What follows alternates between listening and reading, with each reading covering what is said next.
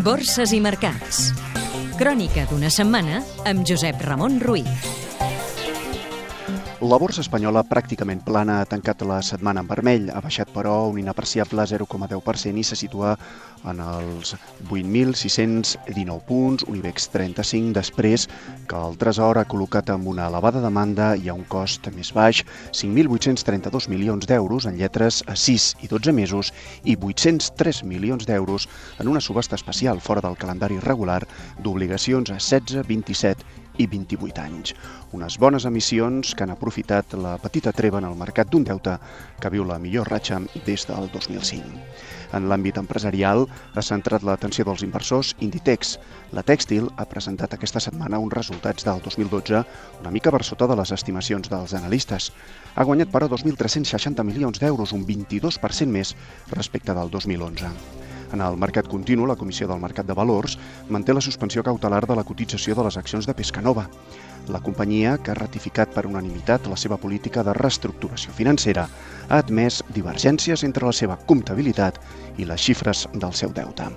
Des de l'1 de gener, el parquet espanyol, però, acumula uns guanys d'un 5,53%. Cotitzades catalanes. CaixaBank. Ha col·locat en bona demanda 1.000 milions d'euros en cèdules hipotecàries a 5 anys. Grífols. Els laboratoris han augmentat la seva autocartera després de comprar per 91 milions d'euros 4,4 milions de les seves accions que cotitzaven en el Nasdaq nord-americà que van ser emeses fa dos anys per a la compra de Telecris. Vueling. El nivell d'ocupació de l'aerolínia ha caigut al febrer fins al 77,7% afectat, diu, per la vaga de serveis de terra i manteniment d'Ibèria. L'euro. La moneda única s'ha depreciat molt tímidament davant de la divisa nord-americana després de les últimes xifres macroeconòmiques positives publicades aquesta setmana als Estats Units. Aquest divendres, el Banc Central Europeu n'ha fixat el seu canvi oficial a 1,3086 dòlars. El petroli. El futur del barril tipus Brent, el referent a Europa, s'ha abaratit al voltant dels 110 dòlars de mitjana la setmana que l'OPEP, l'Organització de Països Productors i Exportadors, i l'Agència Internacional de l'Energia han deixat sense canvis les seves previsions de demanda mundial de cru per aquest any.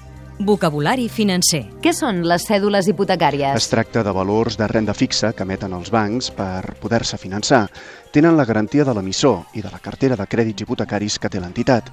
S'emeten a diferents terminis, tipus d'interès i condicions d'amortització.